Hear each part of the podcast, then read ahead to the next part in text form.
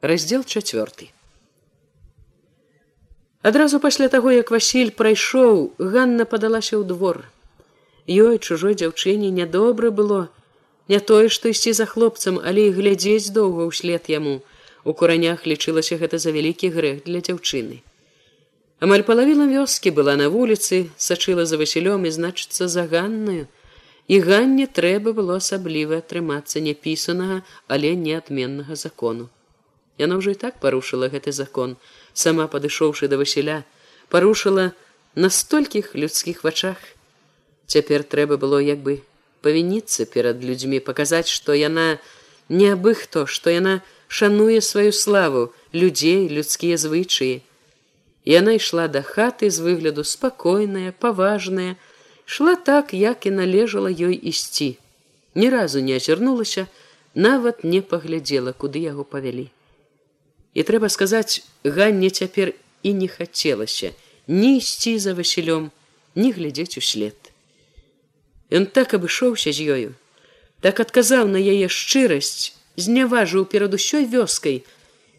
Ідучы дваром я на першы час несла ў сабе толькі крыўду. Мачаха была ў хаце, замешвала парасятам і Ганна подумала: добра, што яна хоць на вуліцы не стаяла, не бачыла. Мачаха сцёрла з паружавелых рук наліплыя бульбяныя камы, выпрасталася, кінула ганні як загад, знясі от. Але калі Ганна ўзяла цэбар, не ўтрывала, неспадзеўкі попракнула і не сорам віснуць на хлопцы пры людзях бачыла ўсё-ткі ў акно угледзела кеб яна ды прапусціла што. Хто вісне скажаце ды бачыла і ён. Ах добры адвярнуўся гаварыць не стаў пан які ганарысты. Ганна хутчэй зачыніла дзверы за сабой і без таго маркотна хоць ты плач. Накарміўшы парасят стала ў роздуме каля хлява не ведала куды ісці. Вяртацца ў хату не хацелася. Ведала што там зноў чакаюць мачышыны папрокі. Зірнула ў бок гумна бацька быў ці ў гумне ці недзе поблізу бо вароты былі адчынены. Убачыла бацьку на таку. Горбіўся на ўколенцах у зрэбнай запатнелай сарочцы за сцюкамі урадкаватых пабітых ніткамі сівізны валасах. Шырока мерна размахваючы лапаткай вею жыта Мякіна і пустое калосце зляталіся надол амаль каля яго кален. Зерніш ляцела вясёлым і прухкім залацістым струменем, шорхатам асыпалася на даўгаватую раскідзістую горку. Бацька быў стомлены, зірнуў на ганну моўчкі абыякава, ні на момант не прыпыніўся чэрпаў і чэрпаў лапаткай, мерна кідаў ёю на горку пасярэдзіне тока. Нічога не пытаючыся, Ганна ўзялася памагаць яму. Ад грабла к застаронку мякіну, акуратна прыбрала акалот, падмяла, дзе можна было ток. У клопаце гэтым у халаднаватай цішыні гумна, У гары, якога толькі распораз цвіркалі вераб'і, яна на нейкі час забыла пра сваю крыўду і скруху. Бацька, добры, ціхі бацька, Ён таксама, здаецца, супакойваў яе сваёй стомленай, як бы не падуладнай ніякаму смутку постаццю. У гэтыя хвіліны супакаення Ганне падумалася, што і яе крыўда, і нават Васілёва бяда не такія ўжо і страшныя, як ёй здалося. Васіля, вядома, не забяруць, давядуць да алешнікаў так, абы пастрашыць, што б іншым была навука, да і пусцяць ну можа прыгрозіць кеп другі раз не вадзіў мо возьмуць слова што не вінаваты ён сам па сабе пусцяць. А тады няхай толькі вернецца яна яму пакажа. Ой як пакажа як напомніць зло. Прыйдзецца яму папахадзіць за ёй папамаліць каб забыла ды даравала крыўду Не даруе яна знявагі так проста, век напамінаць будзе, аж закаецца ён. Непрыкметна у гумноў паўзлі поцемкі, але бацька не ўставаў стока, хацеў мусіць давеяць усё. Толькі крыху не давеяў. Поцемкі хутка пагусцелі, і ён паслухаў ганну паклаў лапатку неахвотна падняўся мало ж і не ўправіўся грэц яму жмені якая прамовіў ён са шкадаваннем. Заўтра кончыце не ўцячэ яно супакоіла ганна не ўцячэ але неяк шкода кідаць не кончыўшы. Ён адчыніў вароты шырэй каб у гумне пасвятлела і дастаў мяшок.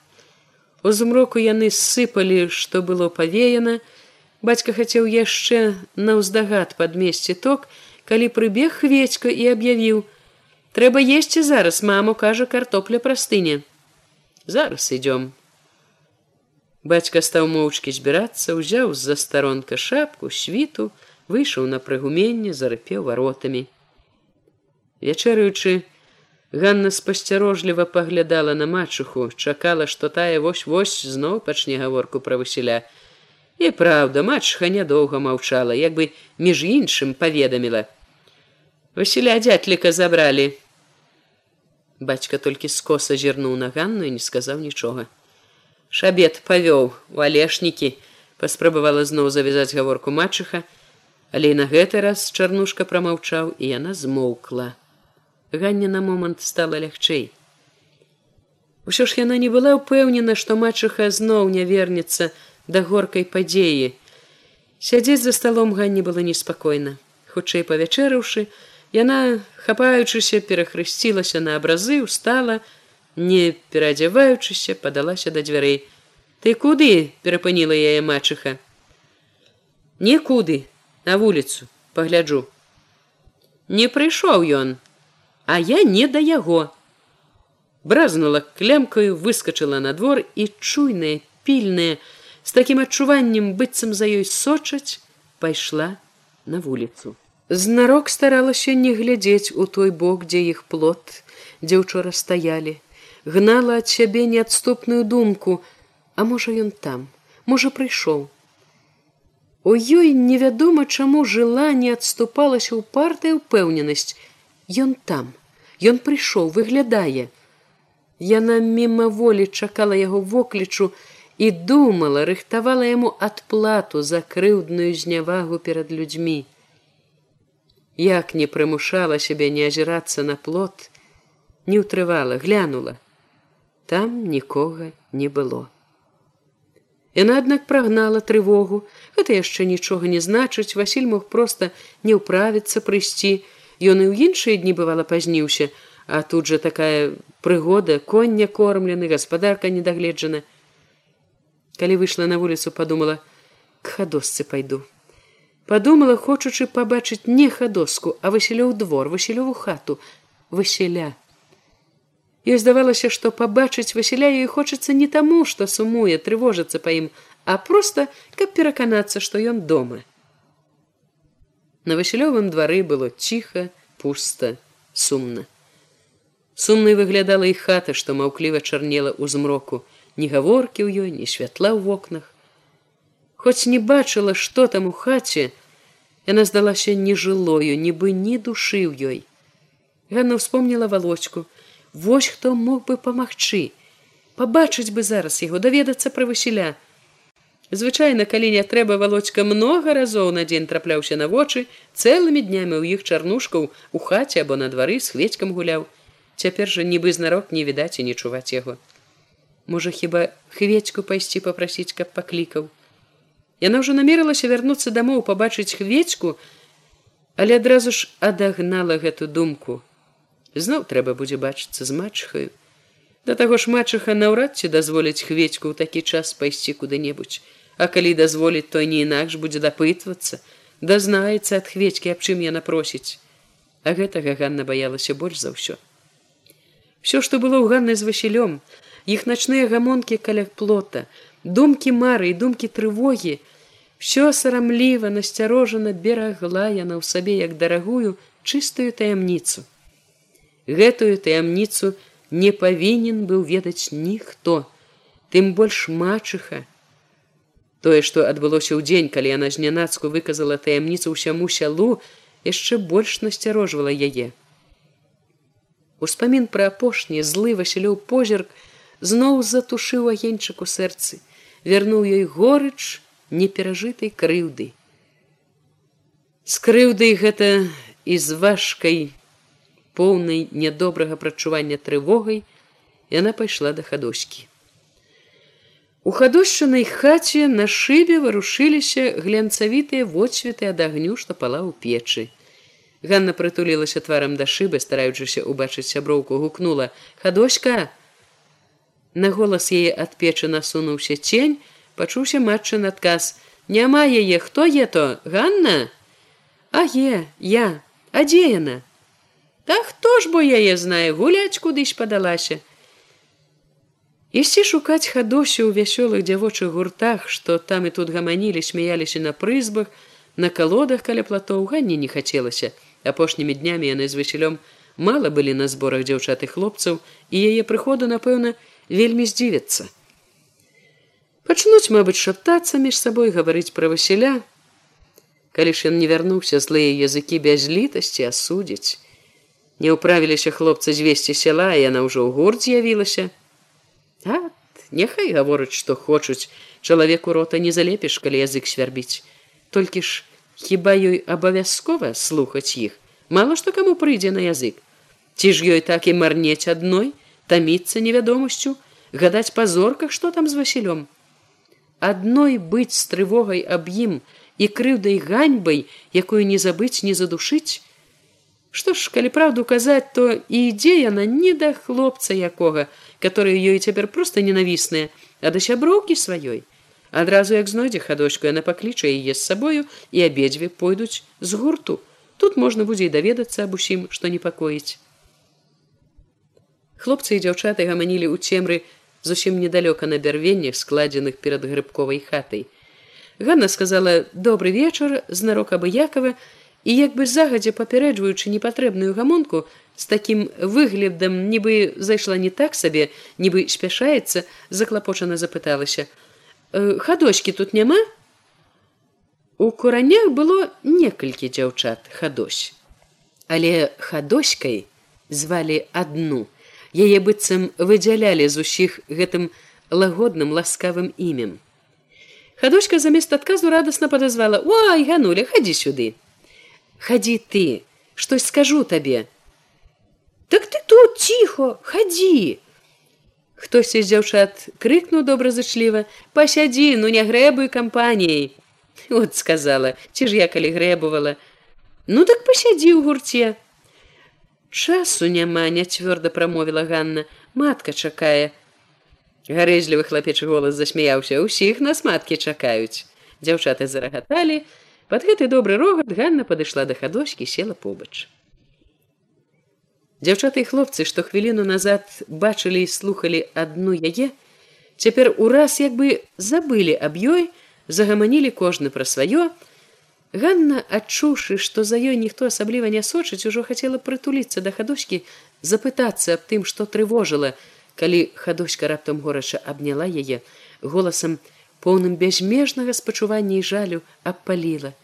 Бедная, бедная ты моя ганулечка, няшчасная. Значыць, няма. Не вярнуўся Васіль, здагадалася Ганна і раптам зноў успомніла, як ён ішоў па вуліцы, нягледзячы ні на кого, дзекаваты, злосна мясіў гразь, шабету успомніла з канём на повадзе, твары людзей, якія ўсё бачылі, Васілёву і яе ганьбу, прыкрасць і жаль сорам і боль зноў ажылі ў ёй замуцілі свет.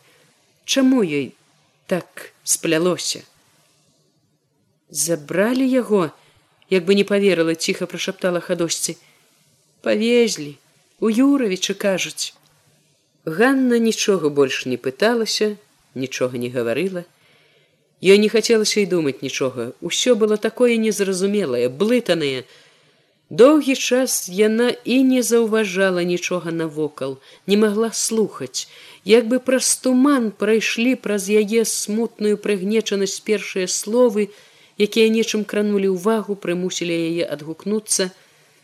О, і цяпер калачуся, як успомню, пачула Ганна. Яна мімаволі нявесела стала слухаць: Бацько сам едзе ні жывы, ні мёртвы, хрысціцца сам сабе, губы сашчапіў не варухне губамі кеп той крый божа не пазнаў што малітву бацьку робіць не ўгнявіўся аб чым я то яна не зразумела ганна ды ведьмака сустрэлі ціха засцярогай прашаптала хадочка неспакойна азірнулася ў цемру быццам баялася што іх слухаюць яна перахрысцілася не дай бог пачуе Ганна зразумела яе страх ведала што ведьмакі не любяць калі іх так завуць помсціць за гэта. Ведьмакі хочуць каб іх звалі чараўнікамі. Чараўніка сцівілася Ганна. Якога? Што ў хвоенцы а еш всю дарогу калаціліся апавядала гарбатая прося. Як скажэце жывыя з лесу выбраліся лес той то быў ціхі а то зрабіўся страшны гудзе скуголіць як на хаўтуры а ў тым гудзе чую як бы костачкамі стукае мярцвяк ідзе ідзе за намі блізенько так рукой дастаць і стукае так стук стук стук стук страхоцце якое жахнулася адна з дзяўчат. Мабуць пачуў што бацьку моліцца. Ён і раней мабуць чуў таму і злаваў пужаў і стукаў так костачкамі а падысці баяўся ці малітва можа не давала. Е такія малітвы, што як пачуе ён, дык як ліст затрасецца, сказаў нехта тонам знаўцы. Толькі трэ знаць яе ту малітву і казаць не пужацца, хоць што, бо ён хоць і пужае, баіцца яе, не любіць страх. А конь што? перабілі знаўцу, ідзе сабе? Аге, ідзе, адгукнулася проще, ідзе, і ён сам не свой хістаецца як п'яны як не падае вуша наставіў грыву натапырыў і вачмі ўсё так зірк зірк а вочы круглыя перапуджаныя але дзякуй богу хоць хістаецца а ідзе ідзе толькі ён і выратаваў. А то б там і конец наш.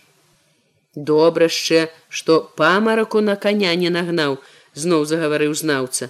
А то бывае як нагоніць чараўнік памараку то конь ідзе ідзе ды толькі не туды куды трэба. А той так бывае здаецца ідзе ідзе ён а сам на месцы дзякуй богу што пачуў малітву пачуў і заступіўся сказала хадочка чысты хлапечы голас у якім чуўся прытоены смех раптам уварваўся ў ціхую гаворку дзіўна весела і звонка бог а знаеце дзе ён цяпер Ганна пазнала, пытаўся Хоня па вулічнаму бацьку і матка. Хадочка даверліва пацікавілася: Дзе? У нароўлю воласці за сакратара. Кеп табе язык адсох за такія твае словы. Праўда, у нароўлі бачылі яго. Ён праўда не прызнаецца, баіцца, кеп не прагналі з работы, бо не пралетар сам. Хлопцу не далі дагаварыць, мусіць, нехта закрыў рот дзяўчаты абурана гаманілі клялі адступнікаў ад бога ад якіх казалі ўсе няшчасці ў сяле у гэтым гомані і прося якая рассказывала пра сустрэчу з ведьмаком не адразу зноў заваявала ўвагу. Прыехалі паклаліся спаць бацька ўсё жагнаецца ніяк не супакоіцца. І я як глянуў цемру ўсё бачу яго вочы як тыя вугалі зарчаць агнём. Страх. Прыйшла б да мяне ў павеце я супакоіў бы зноў увараваўся хоню ў голас. Хлопцы зарагаталі зарагаталі куды больш дружна чым тады калі іх таварыш асмеліўся зачапіць бога дзяўчаты бясконца зняважаныя недалікатнай парадаю іхняй прыяцельцы заступіліся за яе. Пачалася вясёлая валтузня з няшчырымі пагрозамі з нязлоснымі дакорамі між якіх былі чутны мяккія ўдары дзявочых рук па хлапечых спінах. Добры які аб'явіўся сказала прося. Дзяўчаты падтрымалі просю кпінамі з хлопцаў і смехам.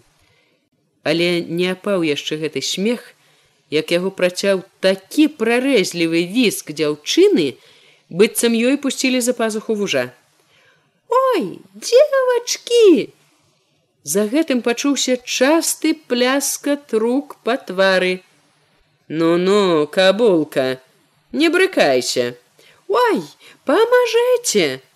Алена зайчыкова аж заходзілася ад рогату. Не шчакачы, чорт паганы, ой ну чуеш, не лезь. Пятро, дзе ты ёй шчакочаш, што яна так смяецца, пацікаюся адзін з хлопцаў. У якім месцы, бо мы не знаем. А ты што, не знайшоў такое? Ганна слухала гэтыя гарэзлівыя смешкі, спрэчкі, але ні разу ніводным словам не адгукнулася на іх.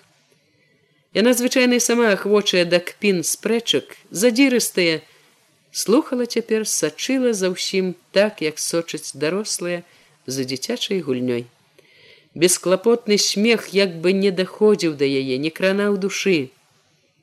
Ганна была задаволена, калі ў хвіліну зацішку, які прыйшоў на змену рогату, хадочка завяла. Шумяць вербы ў канцы грэблі, што я пасадзіла, Галасок у яе быў нясмелы, кволы, здавалася, ён лагодны, задуменна журботны, з недарэчнай скардай крыўды і вось-вось па тоне у выбуху рогату, але хвіля за хвіляй ішлі, а ён не тануў. Ён, праўда, і не мацнеў. Нейкі час усе маўчалі, як бы слухали, чакалі, як бы не ведалі, не здагадваліся, пра што то шумелі жаліліся вербы. Раптам скарга, якая на момант сціхла, прапала ў вячэрнім змроку, загучала зноў, але ўжо мацней, балючай на многія галасы. Няма таго міленькага, што я полюбіла. Ганна заспявала разам з усімі.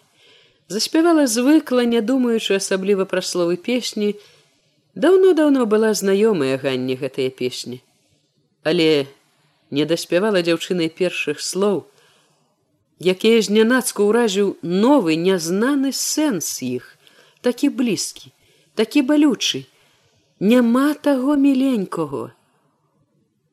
Абуджаныя гэтымі словамі сум, крыўда зноў ажылі, горкай хвалей падступіліся к горлу. Няма яго дай не будзе, паехаў у адэсу, паехаў, павялі ў юравічы. Ганна ў вялікім наплыве журботы змоўкла, сціснула губы, слухала так, як бы гэта была і не песня, даўняя, чужая, а яе скруха, яе бяда. Калі яна маркотна далучалася да ўсіх, здалося, што не спявае яна як раней, як усе, а нібы думае ў голас гамоніць з сабою. Плачце вочы, плачце кары, така ваша доля полюбіла казачэньку пры месяцы стоя. У гэты час перад гуртам дзяўчаты хлопцаў зацямнела некалькі постаці і зухаваты не ў меру радасны голас убіўся ў песню перарваў яе. Хто тут каго полюбіў корч прыпёрся пазнала ганна і раптам пачула як усхвалявана трапеча прытуленая да яе хадошчына плячо Яўхім шчаслівая прашаптала хадочка. Другая постаць паздароўкалася далікатна, ветліва, і Ганна пазнала яўхімавага брата сцяпана, які вучыўся ў юравічах у школе.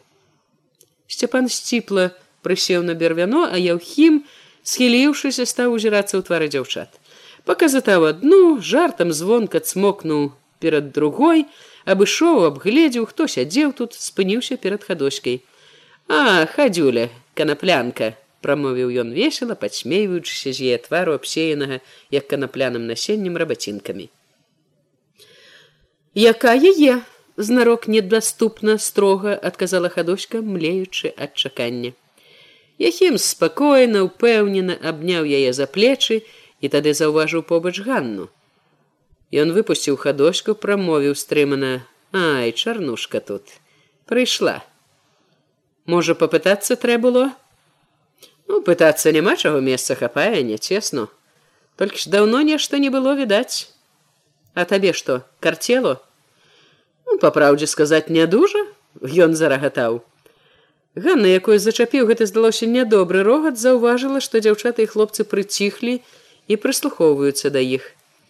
Якім усюды выклікаў да сябе увагу відны быў хлопец з норавам паважалі і пабойваліся яго мала хто з дзяўчат адважваўся пярэчыць ведалі ўсе, што і ў ганны характар не саступіць, маўчалі, чакалі, што будзе.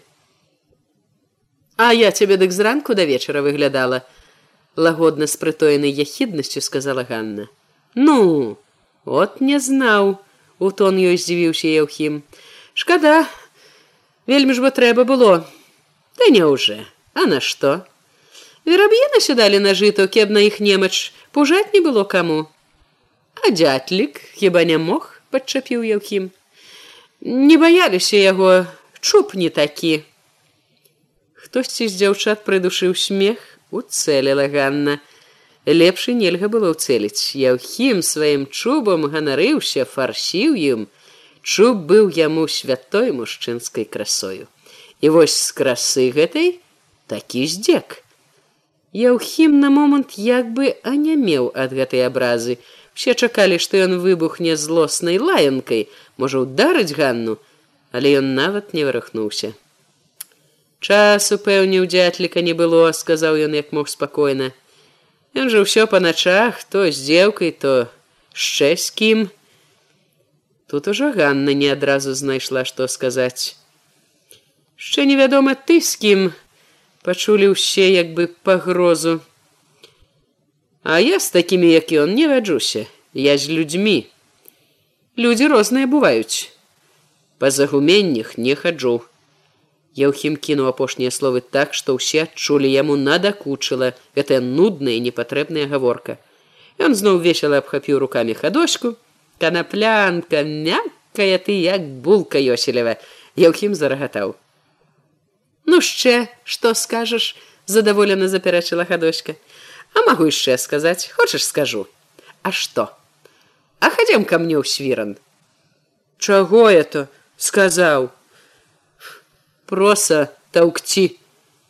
Хлопцы засмяяліся, хадочка паспрабавала вырвацца, але Яўхім не адпусціў яе з лагодным дакорам сказаў, што не трэба ж быць такою ганарлівую, пасмяяцца ўжо нельга.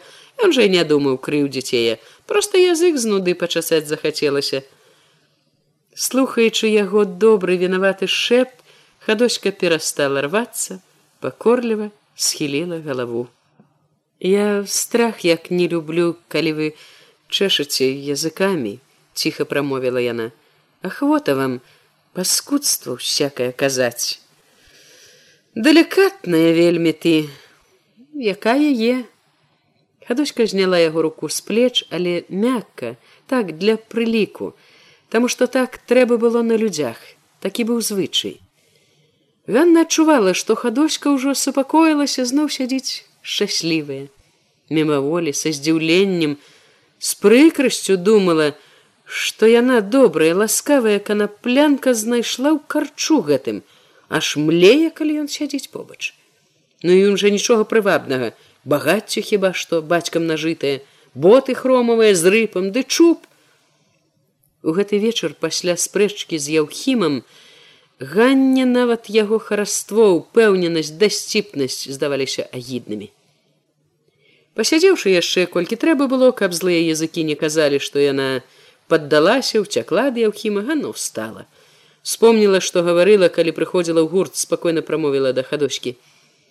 Мабуць, уже заўтра пагаворым, я прыйду ўвечары.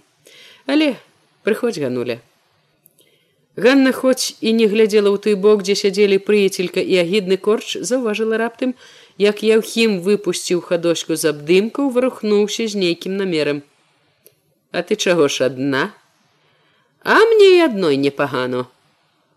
Яна знарок павольна, паважна пайшла з гурту, ужо адышоўшы пачула ўслед, як ён сказаў: « Хлопцы, ну няўжо ніхто не хоча правесці. Ёй здалася ў словах яго насмешка, хоць прамовіў ён здзіўлены неспакойна.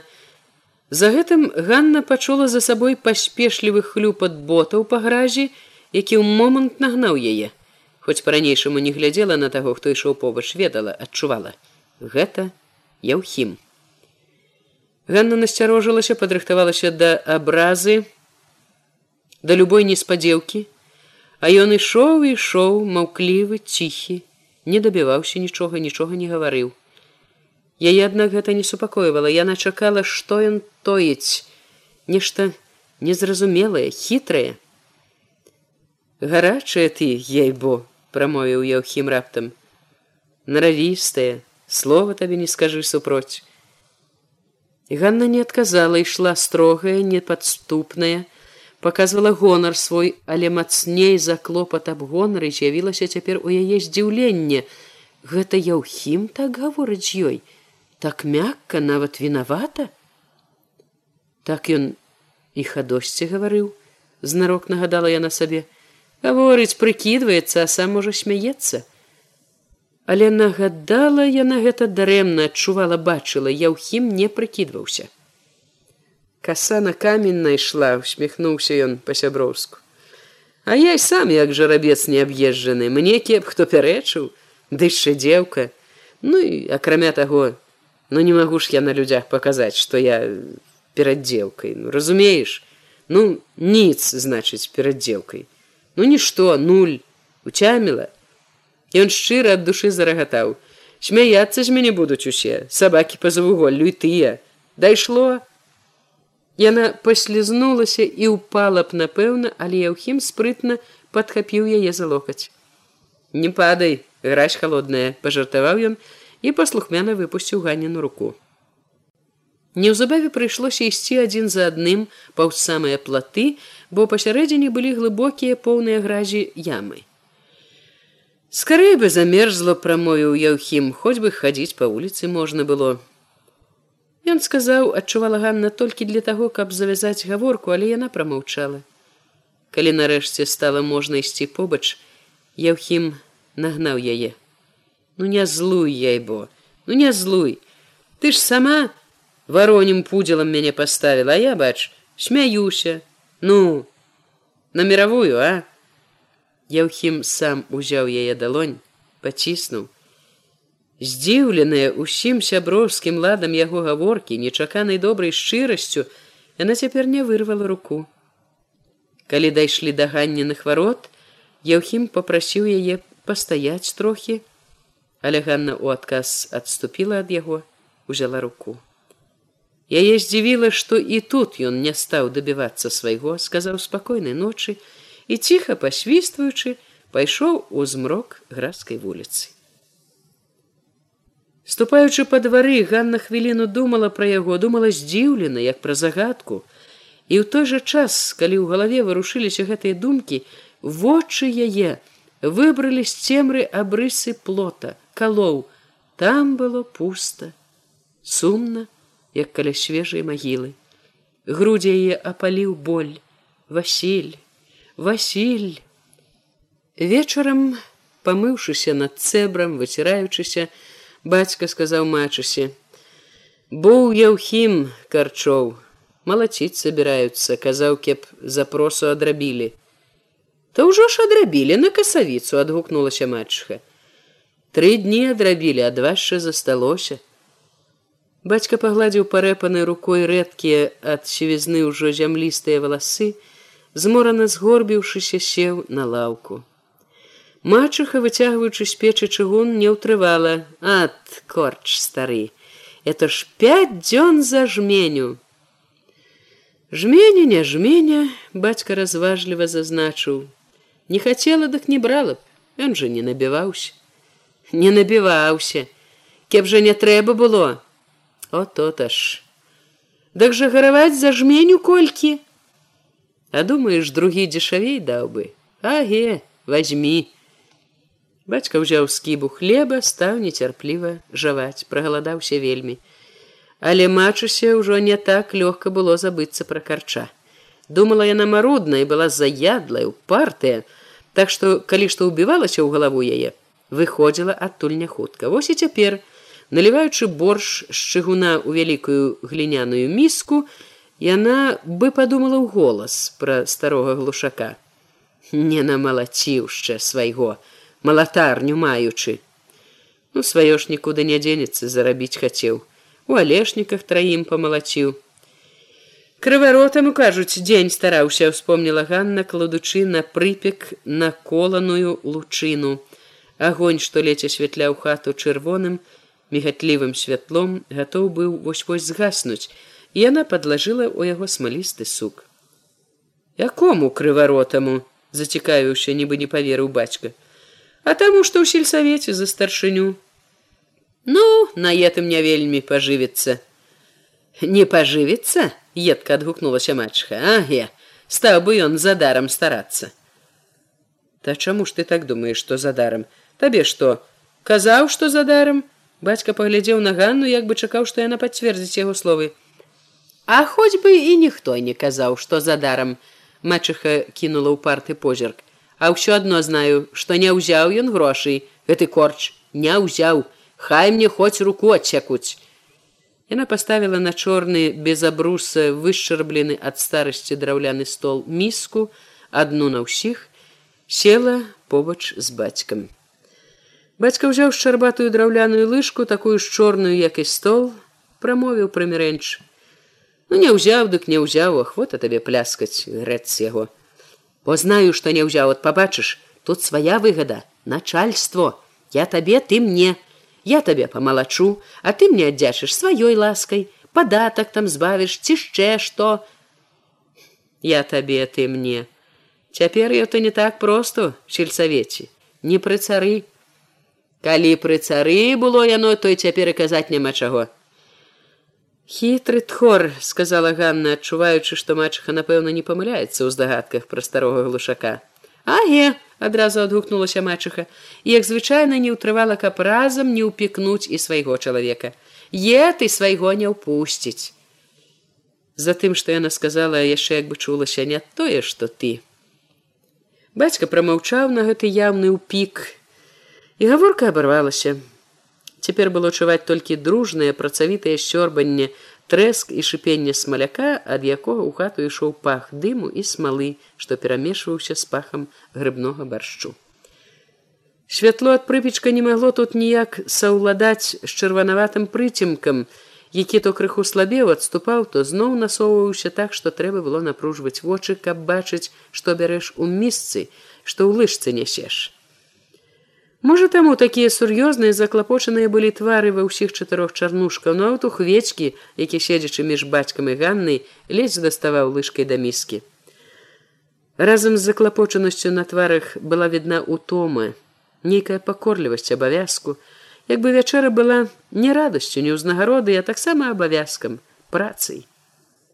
З усіх толькі хведька сядзеў неспакойна, еў хапаючыся, ўсё выцягваў шыю, стараўся зазірнуць, што там у місцы, ці няможна падчапіць грыбка.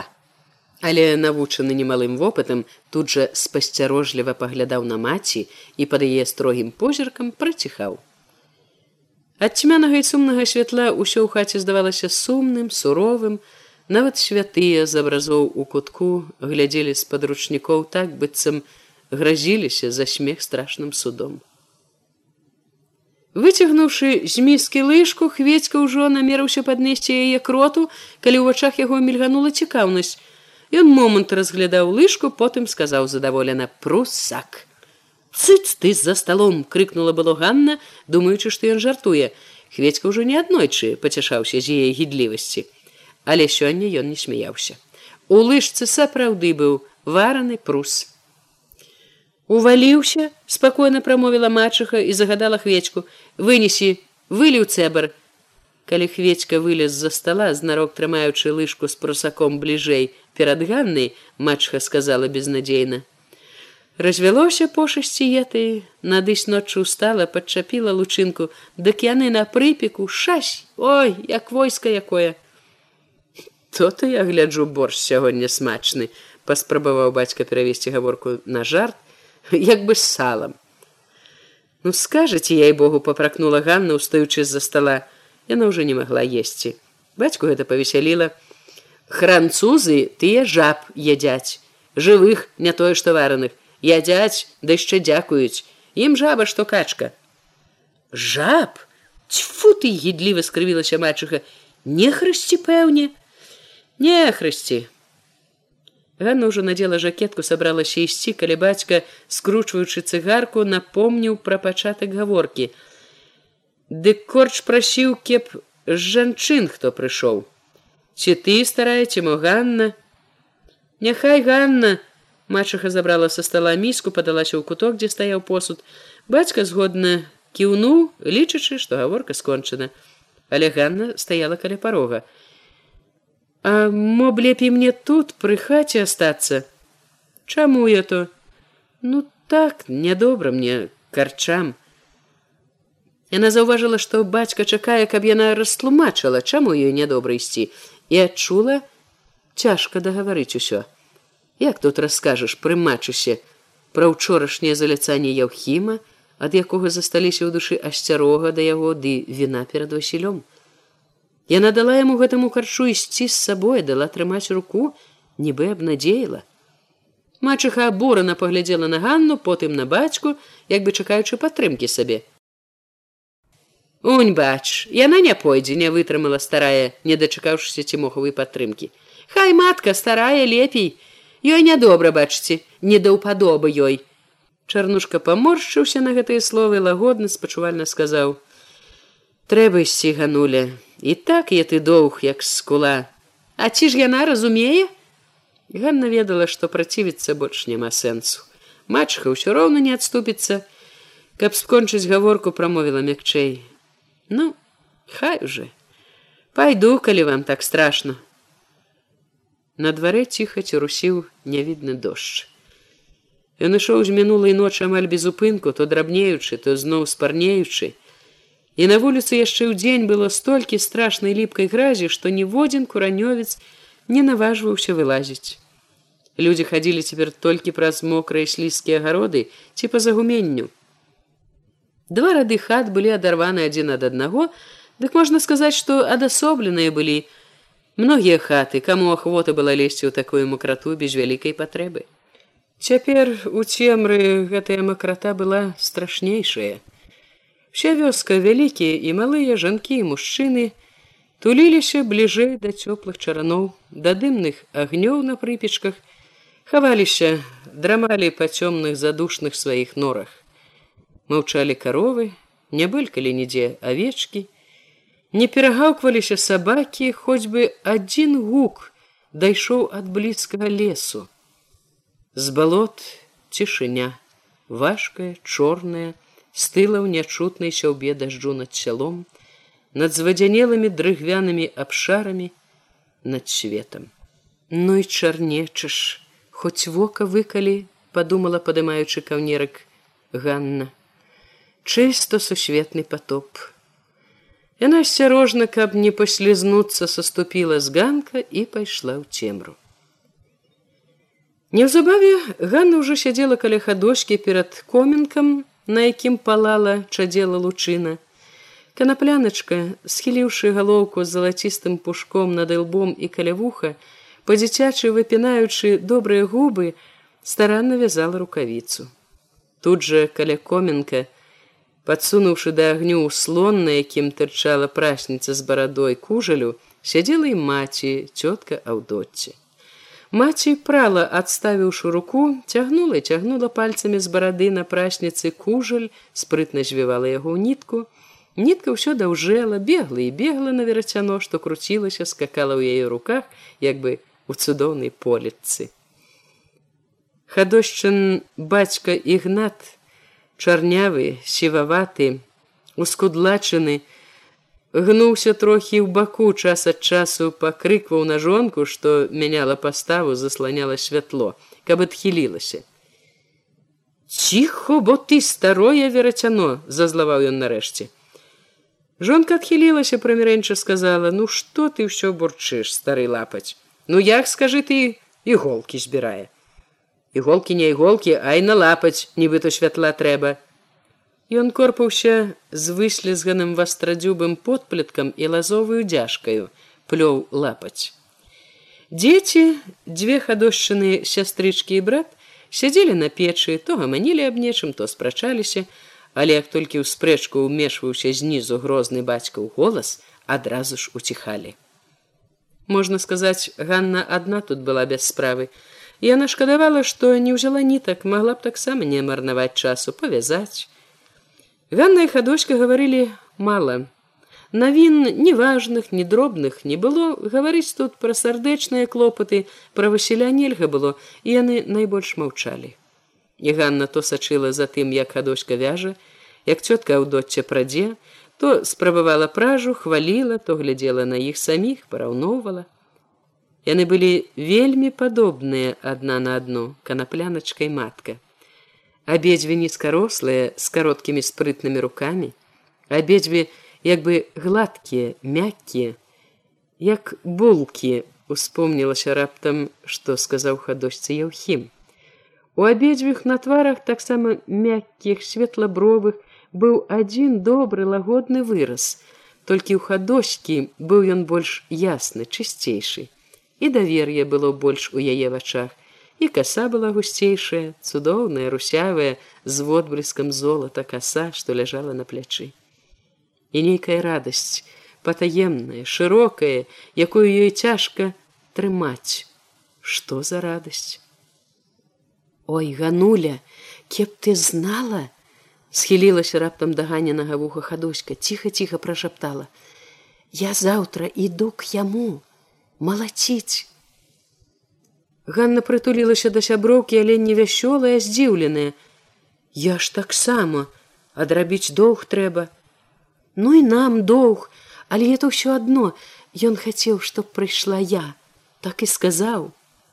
Ну вот і добра, будзем у дзвюх, спакойна адказала Ганна. Што это вы там шэпчыцеся? лагодна без крыўды папракнула цётка ў доце.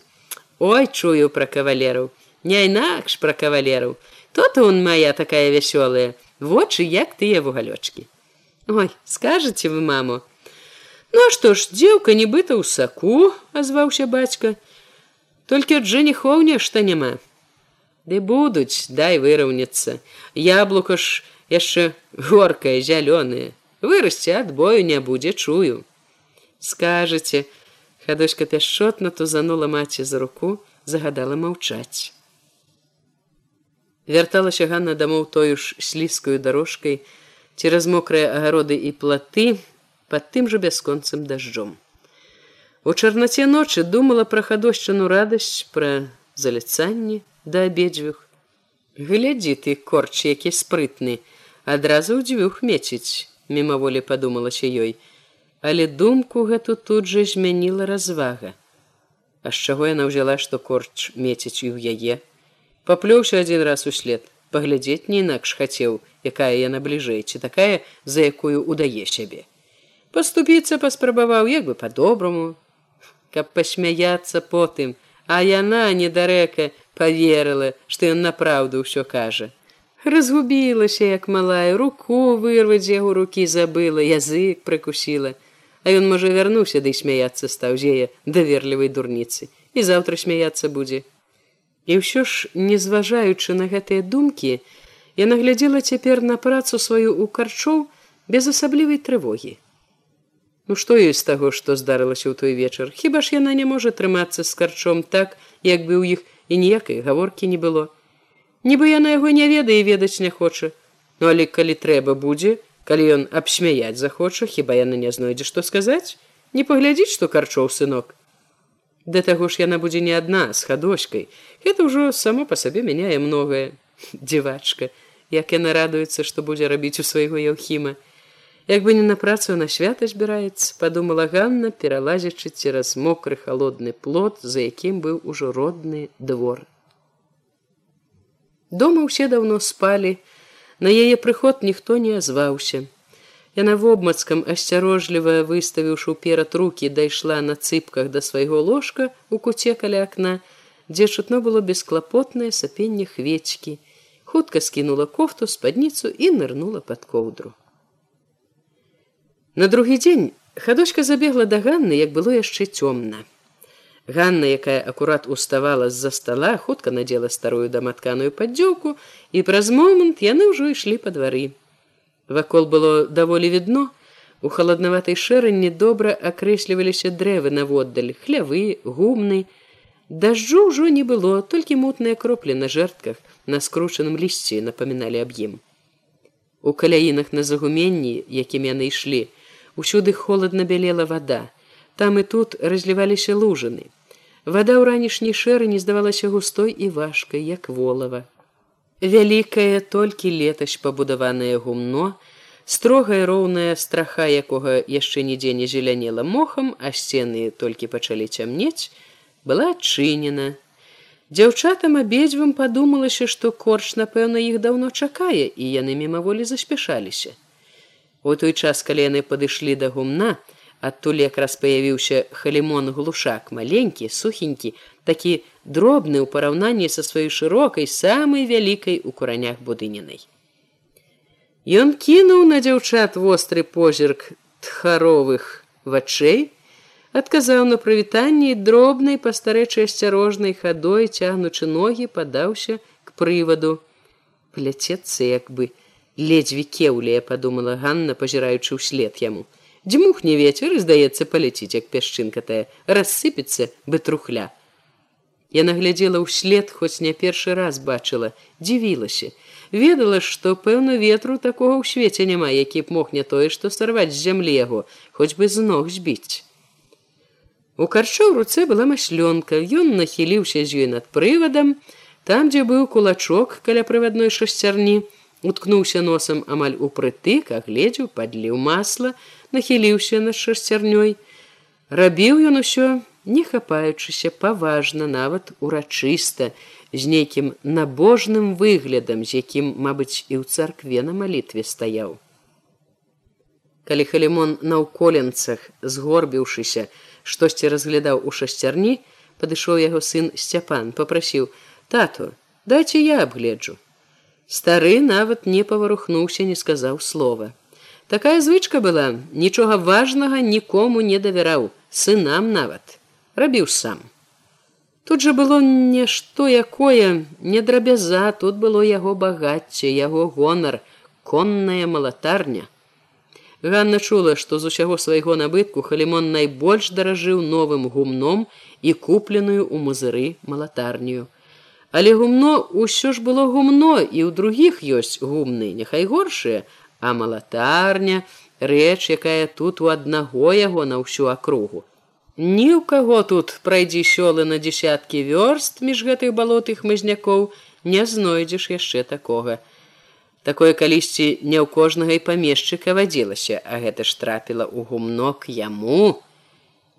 Сцяпан хвіліну для прыліку пастаяў пры бацьку, паглядзеў на яго працу, падышоў да дзяўчат.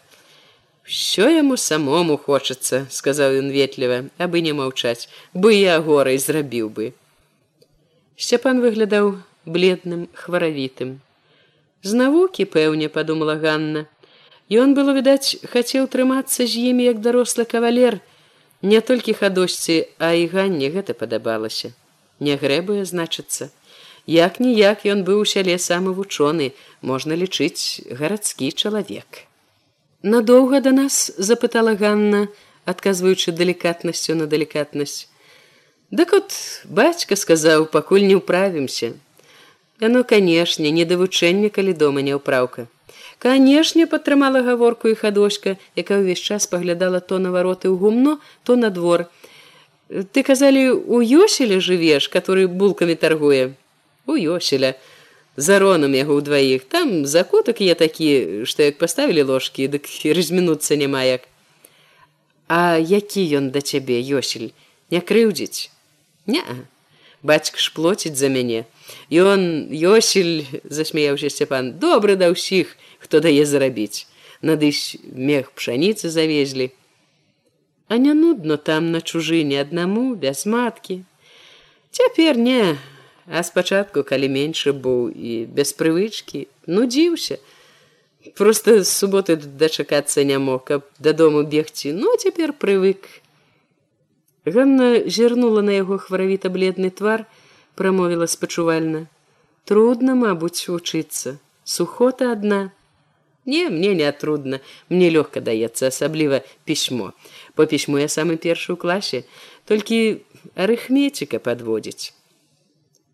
Якая карых мечіка адарвала позірк ад двара хадочка, ну, задачы, складанне, дзяленне, Паўз іх назад у гумно прашаргаў ботамі стары з мяшлёнкай хутка, але востра пільна зірнуў на сына і ўсе прымоўклі. Значыцца, жыць там непагану. Да не можна жыць толькі адно што коса глядзяць которые чаму? Збагацеяў. Ён пачырванеў дадаў жорстка. Кулацкі сынок хадочка спачувальна ўздыхнула але сказаць нічога суцяшальнага не паспела бо ўбачыла што на дарозе ад хлявоў паявіўся яўхім а за ім рабаваты хлопец іван які парабкаваў у глушакоў. Яны вялі коней. Еўхім ішоў першы, трымаючы гладкага агністага колеру коня над кароткім повадзе, сам такі ж гладкі, дужы, як конь.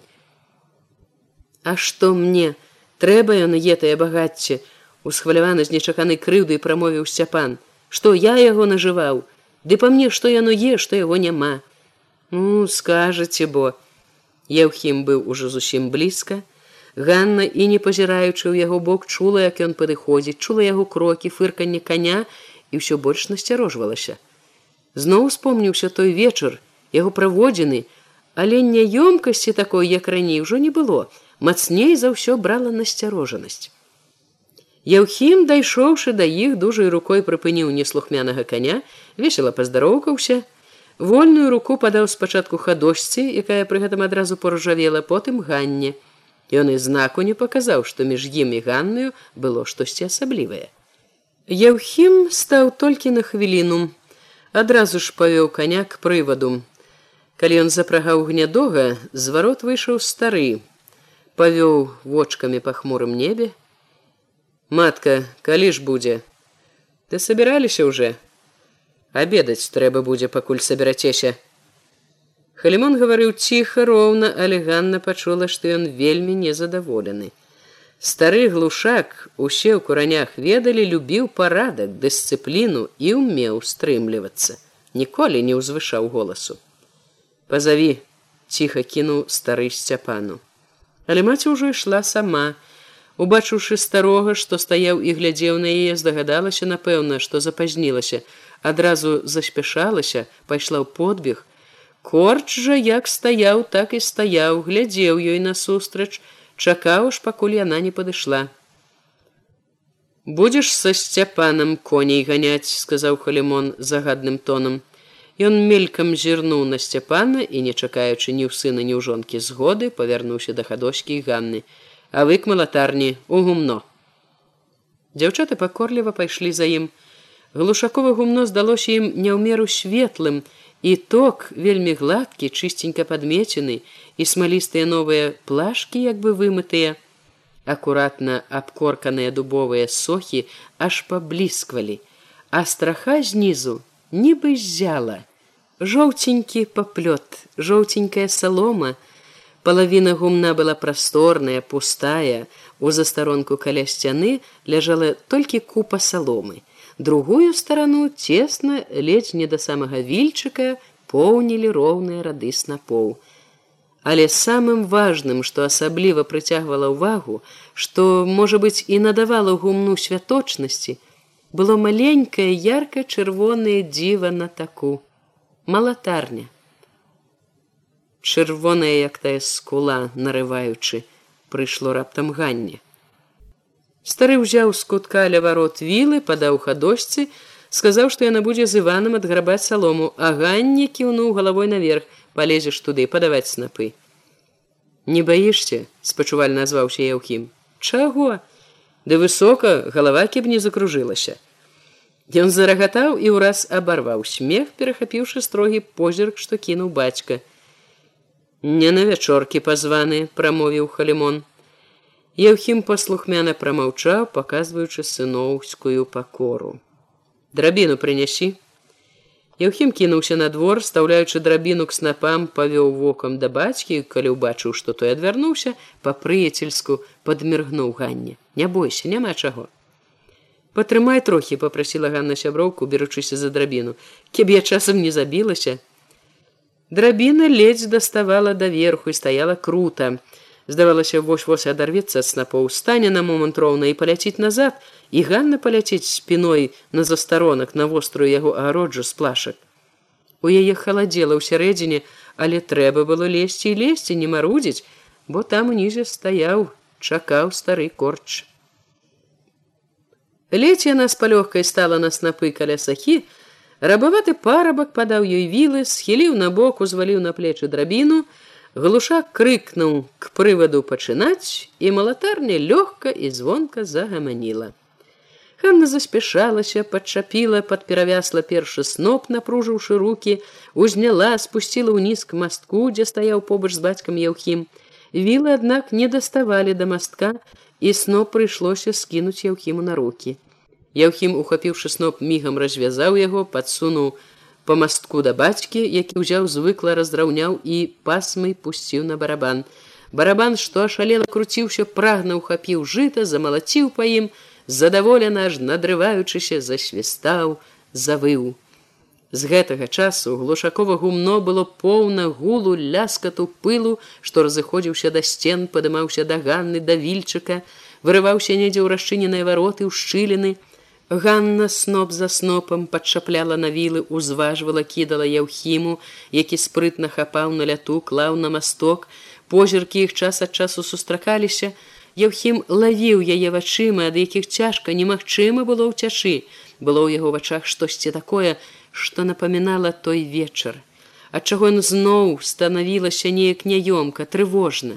Яна старалася паказваць, што не заўважае і не разумее гэтага позірку, помніць цяпер толькі адно хто яна для чаго тут работніца парабчанка.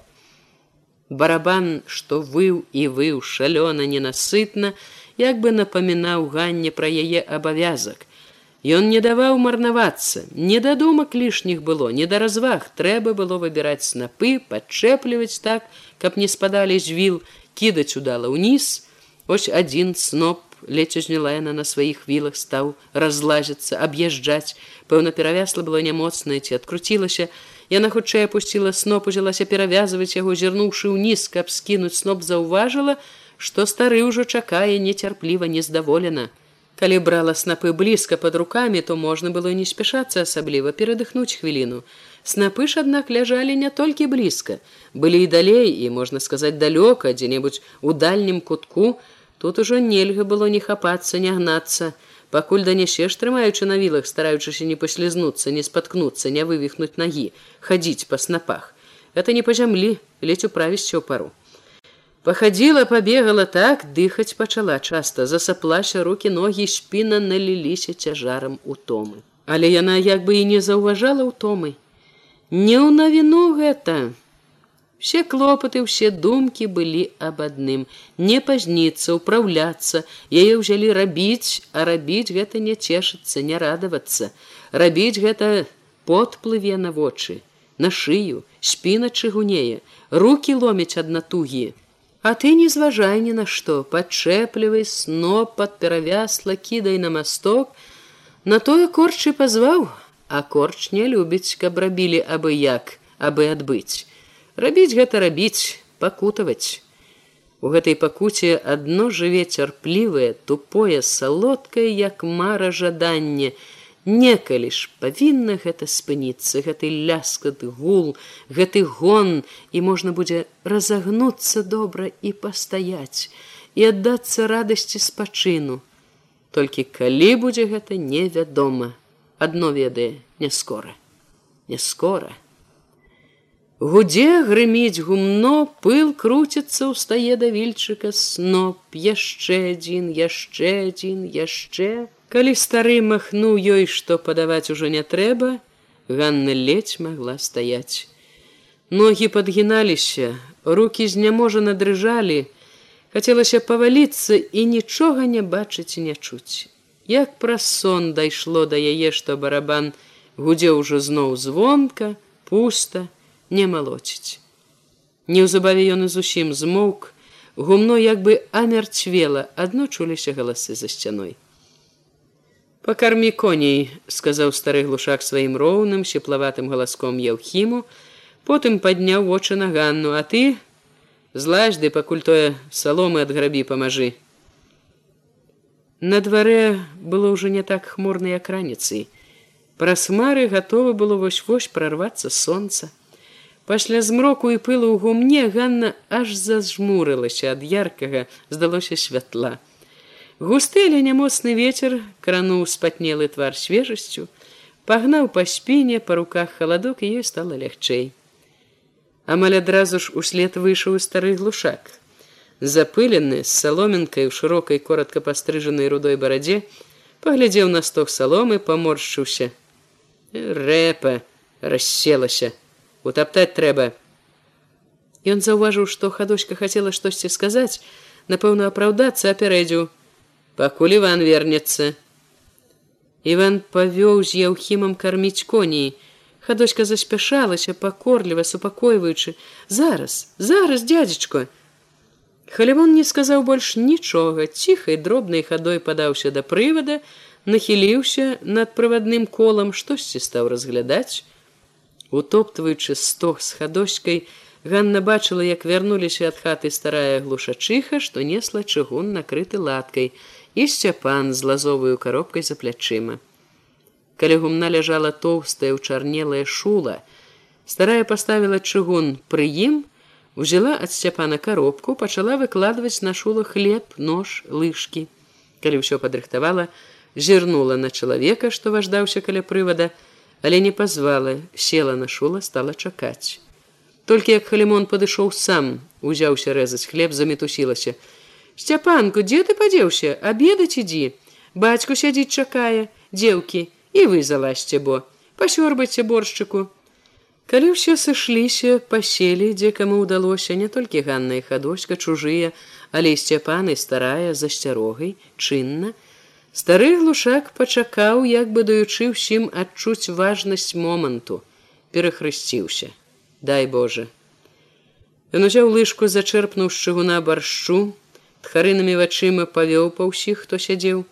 Усе хрысціліся, браліся за лыжкі, такія ж стрыманыя, паважныя, як стары глушак, нібы стараліся быць падобнымі да яго. На хадосчаным твары Ганна заўважыла зачараванне і страх. Ще адно як не корч стары, а цар перад ёй, мімаволі усміхнулася Ганна. Але ўсмешка адразу ж і згасла. Стары так зірнуў, нібы пачуў яе. Як скажы ты чытае ў сярэдзіне мільганула ў яе галаве. Абед здаўся ён нясмачным і доўгім, і яна ўзрадавалася, калі глушак падняўся, дзякуй Богу, кончылася. Адышоўшы крыху з хадочкай пачула, як глушачыха, збіраючы лыжкі пажалілася старому. Нацягалася я за канём. У голасе яе пачулася пакорлівая просьба: Хай мо б хто маладзейшы. Для малатарні ўвішнасць патрэбна прамовіў халімон строга. Ён помаўчаў: Ну няхай, будзеш салому адкідваць. Глушак пазваў хадочку, загадаў станавіцца конем. Іх акурат прывялі з двара і стары сам пайшоў да іх. Анна чула, як ён запытаўся, ці добра накармілі, напаілі, бачыла, як ён узняў нагу у гнядога, памацаў пад капытом.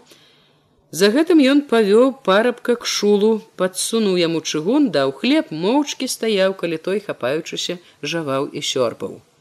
Ганна не стала чакаць глушаковай каманды, пайшла сама ў гумно. Хацела паляжаць нас на паху зацішку. Але як толькі ўвайшла, заўважыла, што следам хтосьці ідзе. Гэта быў Яўхім. Утамілася. Можа быць, я сам запарыўся, бацька можа запарыць усякага. Яўхім кіўнуў на снапы, з-за якіх ужо выглядвалі верхнія два рады бярвенняў.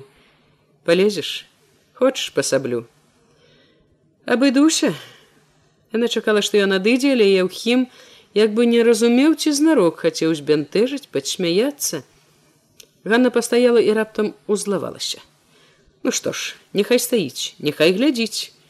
Ухапілася адной рукой у шчыліну за бервяно другой за сноп абаперлася наскамі аб бярвенні снапы стараючыся прытульваць спадніцу падзерлася наверх. Ужо на снапах азірнулася перахапіла яго гарачы прагны позірк. Але сказаць нічога не ўправілася у гумно уваходзіў стары. Да вечара змалацілі ўсё. Што значыць малатарня? Столькі жыта за адзін дзень увабраць. На другі дзень да самага вечара круцілі веялку ссыпалі чыстыя збожжа ў мяхі адграбалі мякіну. Стары корч рабіў усё разам з іншымі і сам хвіліны не пастаяў і другім стаяць не даў. Яўхім рабіў тут жа каля веялкі, быў ён здавалася такі ж як заўсёды і рабіў як усе але калі б хто мог зазірнуць у яго душу то пабачыў бы што не жыта не веялка іншыя зусім цікавіць і трывожыць яго. Дзе б ён не быў што б не рабіў ён адчуваў бачыў адну ганну. Ён добра ведаў што не закаханы. Яўхім нават з пагардай думаў пра яе было паб чым думаць па чым сохнуць. Дзеўка была б якая асаблівая а то ж грудзі як грудзі ногі як ногі. Грудзі нават дробныя як яблукі і ногі танкаватыя кволыя. І прыкры было думаць што з-за гэтых дурных ног заснуць не мог паўночы. Бачыў усё іх смуглую пругкую лытку голая калена. Лепш бы не глядзеў калі яна лезла на снапы і так сабой не асабліва відны ну драбната паглядзець няма на што і твар худы косткі на шчаках выпінаюць толькі красы што язык як брытва але колькі не абгаворваў яе сам сабе колькі не хаяў не памагала ўсё ж. Нібы апоены зеллем думаў і думаў пра яе сачыў за ёй неспакойным позіркам. А чаго? Дело маладое, наше дело не ражаць, засмяяўся ён задаволены такім простым ясным тлумачэннем. Яўхім быў грубы па натуры, схільны да цынізму, які ён лічу абавязковай адзнакаю сапраўднага мужчынскага характару. Пры ўсім гэтым вывад яго быў блізкі да праўды. Яўхім тады і сам не верыў у сур'ёзнасць сваёй прыхільнасці да ганны. Стары глушак хутка заўважыў яго позіркі, асцярожныя, нібы незнарок. Гэтае заляцанне да ганны. Адвёў яўхіма за рог гумна і стукнуў па галаве лапаткай. За што? Кеб не рабіў, чаго не трэба, жарабец дурны. То ўжо і пасмяяцца з дзеўкамі няможна. Не для таго пазваны адрэзаў бацька і дадаў з папрокам: знайшоў каго, Глушак адаслаў сына з гумна далей ад дзяўчат. І Яўхім тут за ўвесь дзень больш не паяўляўся, Але калі вечарам стары павёз у свіран апошні мех, калі на гумнішчы засталіся толькі хадочкай Ганны, якім халімон загадаў пад грэбсці прыбраць усё, Яўхім паявіўся зноў. Ой, убачыўшы ў поцемку яго ўзрадавалася хадочка. А Ганна сустрэла едкаватай усмешкай, дзе я то прападаў так доўго работку даў стары адказаў няпэўны яўхім і каб змяніць небяспечны кірунак размовы непрыемнай роспыты запытаў ну а вы як тут? Дзякуй богу адказала ганна не сумавалі адны хадочка ціха з дакорам шмарганула яе за рукаў. Яўхім жа як бы не пачуў не зразумеў кпіны пастаяў павёў вачыма па гумнішчы прамовіў спакойна. Цёмна уже можна і канчаць Ён раптам попрасіў: знаешь что хадоська ідзі ў свіран мо там бацьку трэба што памагчы. А ты кіўнуў я ў хімганне да грабі да сто гады дадому. Але як толькі хадоська знікла ён падышоў да ганны стаў перад ёю. Злаеш ты! Еўхім помаўчаў чакаў што яна скажа. Ганна не сказала нічога. Ты век такая? Ён гаварыў весела, хацеў добрай гаворкі. А табе не ўсё адно. Ганна варухнула граблямі, як бы прасіла адысці, не замінаць грэбці. Ну, кеб усё адно не пытаўся б. Дык не скажу. І гарачая ты, мабыць, Ён узяў ганніну руку, як у той вечар, але яна спакойна цвёрда забрала яе. Мабуць, ды адышоў бы ты, грэбці не даеш. Управішся, гарачая значыцца а для каго як для каго як печка для каго лёд? Угадаў здагадлівы. А для мяне як? Для цябе. Па праўдзе не думала ніколі. Пэўна для цябе ніяк. Ну як это не тое не сёе? Сярэдне? А так. Ты для мяне як кукаль на разоры. Ты што еш што няма цябе адно. Бо не знаешь ты ўсё пра дзятліка свайго думаеш таксама кавалера знайшла а які я абы по душы попусту сохнеш цяпер он не хутка выберацца За такія штучкі мала не даюць. Бандзіцізм. За это так запраторыць, што і свету белага не ўбачыш. Ат, птушка. Такі з выгляду рахмана цішэй вады ніжэй траве глядзі ты з бандзюкамі знюхаўся. Ганна абарвала, дадзеў усё ж ёй. Не радуйся чужой бядзе. Яўхім зразумеў, што перахапіў, схібіў, паспрабаваў паправіцца, ды я не радуюся, шкода проста цябе, А ты не шкадуй, няма чаго. Да я чалавек не злы, спагадлівы, асабліва да дзевак, Ён жартам стараўся як можна загладзіць памылку, растапіць яе непрыхільнасць, якая стала такой калючай. Тут час такі збыту матка не дае жаніся ды жаніся, ну вот я і прыглядаюся. Ну калі так, то не туды глядзіш. Не выглядзіш тут нічога. У другі бок глядзеў бы, хадоська ночы не спіць. Хадоська. Любіць, дурная, за што толькі даўмець не магу.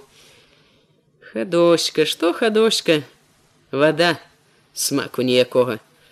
От ты, ты, по-мойму, са смакам. Да я нашу сто разоў лепей за цябе.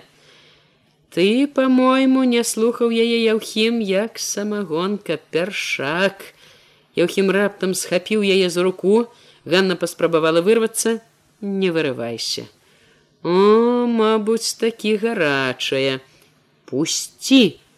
Ганна рэзка крутанула руку, вырвалася, але ў той жа момант, адкінуўшы яе руку з граблямі, якія яна трымала між сабой і ім, Яўхім абхапіў Ганну аберуч, сціснуў так, што ёй зацяло дыханне.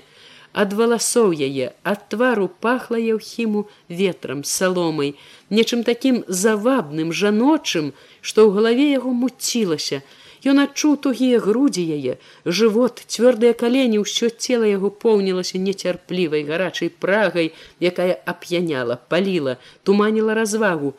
Пусці, чуеш, ды балюча, не цісні! І рвалася яна непрыхільная, гнеўная, ўсё яшчэ трымаючы граблі, Яе вочы былі блізка, былі добра відны ў поцемку непакорныя, дзікаватыя, як у птушкі, што б'ецца сілка, і плечы, і руки, і ногі яе, Уся яна была наліта непакорай, але ён не зважаў на гэта. Пусці, чуеш, адыдзі.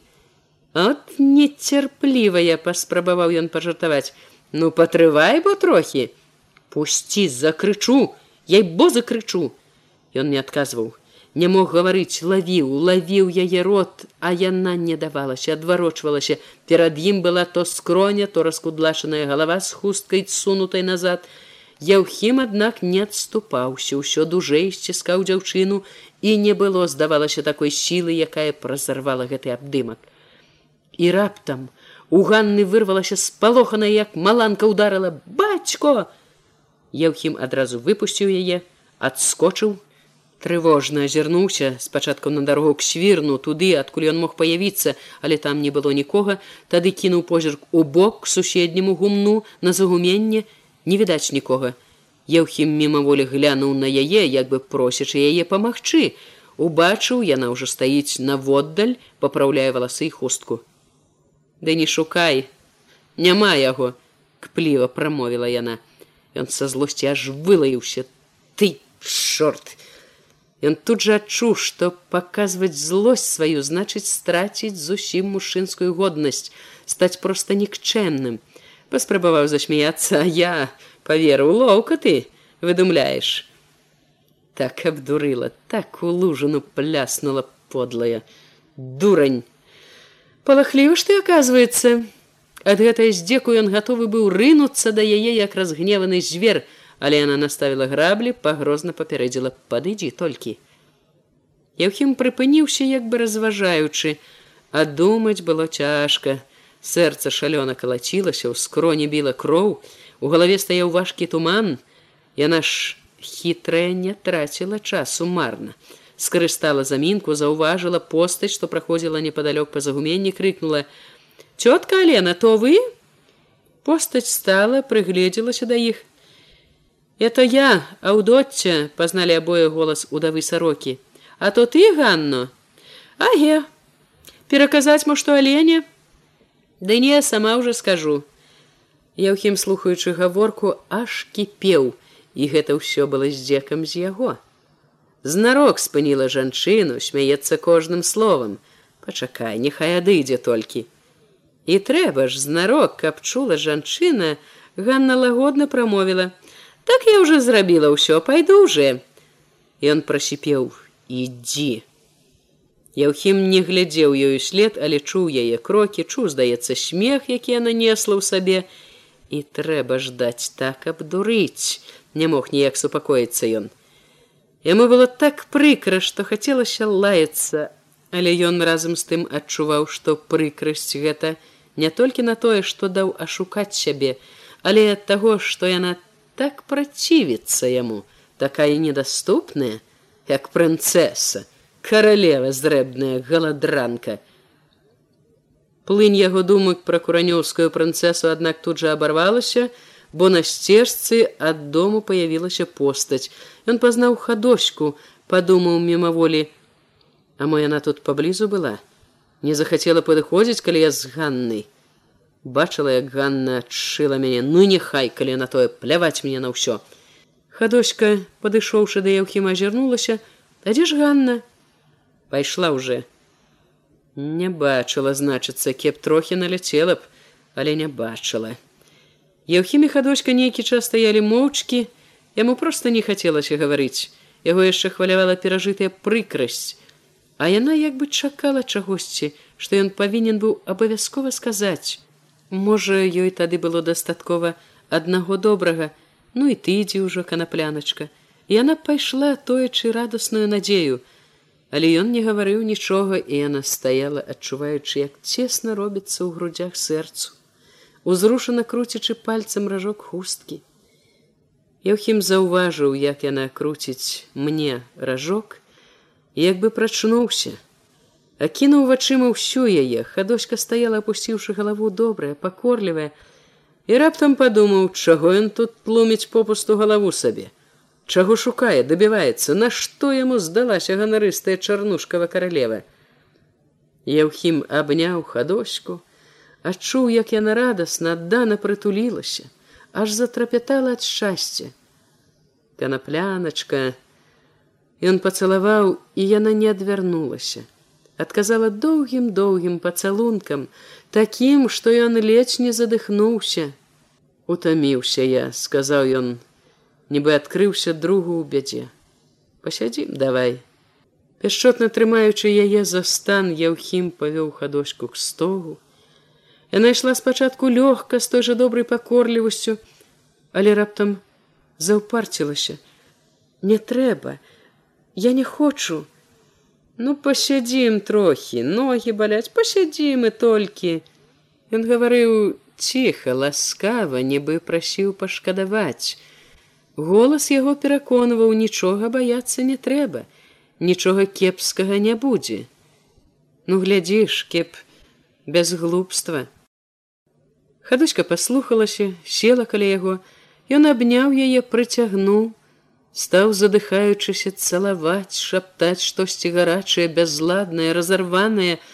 Яна спачатку хоць і стрымана, адказвала на яго пацалункі, потым стала трывожна кідацца, стараючыся вырвацца з яго абдымкаў. Ой не трэба не хочу!